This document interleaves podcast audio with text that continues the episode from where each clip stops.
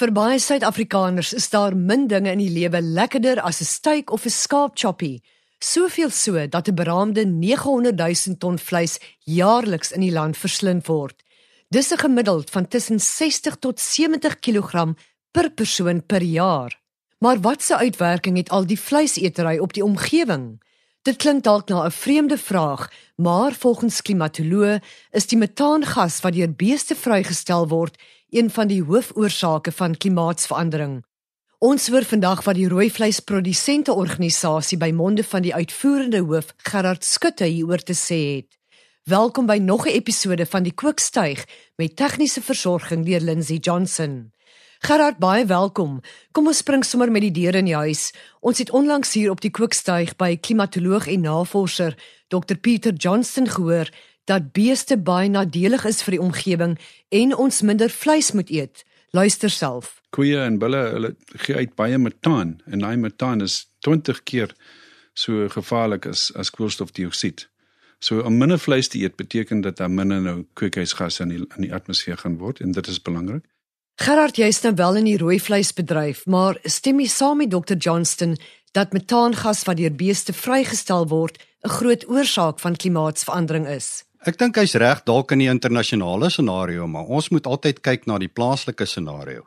En kyk ons na Suid-Afrika, is die per capita verbruik van beesvleis per jaar 13.5 kg, skaapvleis 3.5 kg. So dit is 40 gram rooi vleis per capita per dag. En as ons kyk dat uh die gemiddelde volwasse persoon het 70 gram proteïen per dag nodig, dan uh eet ons werklik waar verskriklik min besenskaapvleis per capita in Suid-Afrika. Maar jy stem saam dat daar wel 'n direkte verband is. Ons moet dit ook in perspektief sien. Dr Johnson uh haal internasionale syfers aan. As ons kyk na die CO2 emissies van die beeskaap en bokbedryf, dan is dit slegs tussen 4 en 6%. Uh so dis baie minder uh as die as die syfer wat hy aanhaal en dan moet ons vir mekaar sê Die oppervlakte van Suid-Afrika in terme van die natuurlike hulpbron 70% is natuurlike veiding. Ons produseer nou dieselfde hoeveelheid CO2 emissies as in Jan van Riebeeck se tyd. Daar's net een verskil. Uh en dit is dat ons produseer nou rooi vleis van hierdie veiding af. Om die waarheid te sê, Uh as ons uh, praat met uh weidingskundiges vandag, dan sê hulle die die natuurlike hulpbron is nou in 'n beter toestand as in Jan van Riebeeck se tyd. Met ander woorde, dit gaan oor hoeveel koolstof ons bind op die natuurlike veiding. En die kort antwoord is ons bind 3 keer meer koolstof as wat ons uh, herkouers uitskei. So ons het 'n totale negatiewe voetspoor in terme van CO2 as dit kom by rooi vleisproduksie.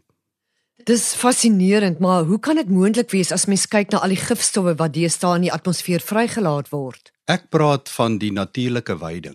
Ek praat nie van die vervoer en die energiebedrywe wat uh, intussen astronomies gegroei het nie. Ons praat hier van die natuurlike veiding en rooi vleisproduksie.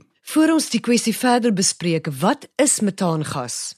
'n Herkouer het 'n rumen en Uit die rumen funksie word metaangas geproduseer en ons praat aan die einde van dag uh, van CO2 ekwivalente emissies. Jy verwys na Suid-Afrikaners wat soos jy sê relatief min rooi vleis eet. Australië is die grootste vleisverbruiker met 'n geraamde 125 kg per persoon per jaar. Ons is dalk nie die grootste sonnebok nie, maar het ons nie 'n verantwoordelikheid om na die groter prentjie te kyk en te help oplossings vind nie?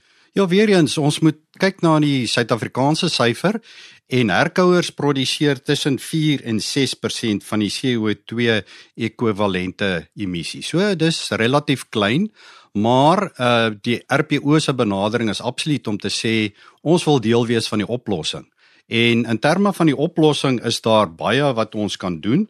Eerstens, as ons meer effektief produseer, dan uh sal die emissies laer wees die natuurlike hulpbron bepaal uh wat die sekwestrasie met ander woorde die bindingsfaktor is. Ons kyk baie mooi na die natuurlike hulpbron op hierdie stadium. Ons het 'n kode vir beste praktyk wat hierdie goed in detail uitspel en ons het absoluut kundiges gekry om ons te help skryf aan die kode vir beste praktyk. En dan is ons baie sterk op die navorsing en ontwikkelingskant. Ons weet presies wat is die CO2 ekwivalente emissies van die rooi vleisbedryf en ons kan dit meet en in terme van die kode vir beste praktyk is ons besig om te kyk na die doelwitte in terme van die vermindering daarvan. Hoe kan ons meer effektief produseer?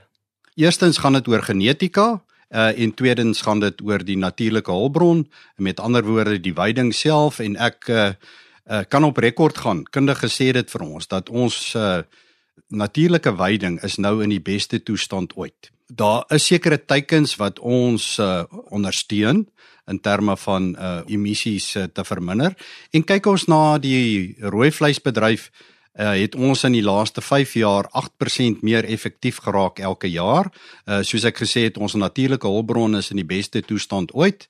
Uh en dan ons is baie sterk aan die navorsing en ontwikkelingskant en soos ek gesê het, ons kode vir beste praktyk is ingeweef hoe ons emissies oor tyd gaan verminder. Wat glo jy is die bedrywe wat die grootste sonnebokke is wanneer kom by klimaatsverandering?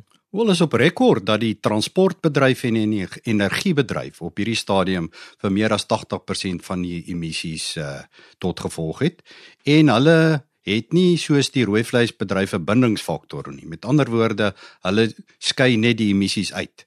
Uh en ek dink dis die groot verskil tussen die rooi vleisbedryf en die ander bedrywe. In Suid-Afrika is die herkouers verantwoordelik vir omtrent 6% van die emissies. Ja, en ons ontvaar daardie verantwoordelikheid om dit oor tyd minder te maak. Jy klink baie oortuig van jou saak. Jy het duidelik jou huiswerk gedoen. Ons het werklik haar ons huiswerk gaan doen. Ons het 'n kundigheidsentrum binne ons navorsing en ontwikkelingsafdeling. Hier's internasionale kenners. Dr. Heinz Meisner, ons het 'n 'n baie vars nuwe PhD, Linde de Tooy, wat spesifiek hierop gefokus het. So ons het die antwoorde. Ons het die emissie self getoets in terme van uh hoeveel dit is in in in terme van die Suid-Afrikaanse faktor. Uh en ek sê weer, ons wil deel wees van die oplossing. Hoe toets mens emissies? Dit kan baie baie spesifiek getoets word. Hulle praat van 'n respirasiekamer. En ons gaan nou so ver in die bedryf dat wanneer die stoetbulle in die fase C ingaan, uh, uh, meet Wat ons hulle Wat is dit nou? Dit is wanneer stoetbulle in terme van effektiwiteit getoets word, kyk ons ook na hulle emissies en daar word ge, geteel vir laer emissie in terme van van stoetbulle ook.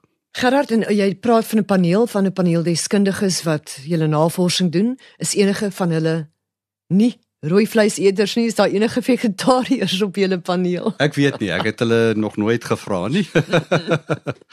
maar wat uh, wat ook baie belangrik is is uh, landbou is so pas uh, toegestaan dat daar nie koolstofbelasting sal wees nie. So dit wys ook dat in terme van die owerheid daar 'n sensitiwiteit is uh as dit kom by by landbou Ons kan nie noodwendig wegbeweeg van rooi vleis en na groente en vrugteproduksie gaan nie. Ons is 'n 'n waterarm land en dit is nie so maklik om weg te beweeg nie en soos ek gesê het, ons uh, proteïen produksie uit die rooi vleisbedryf is 'n baie klein fraksie van wat mense eintlik nodig het in terme van hulle daaglikse behoeftes.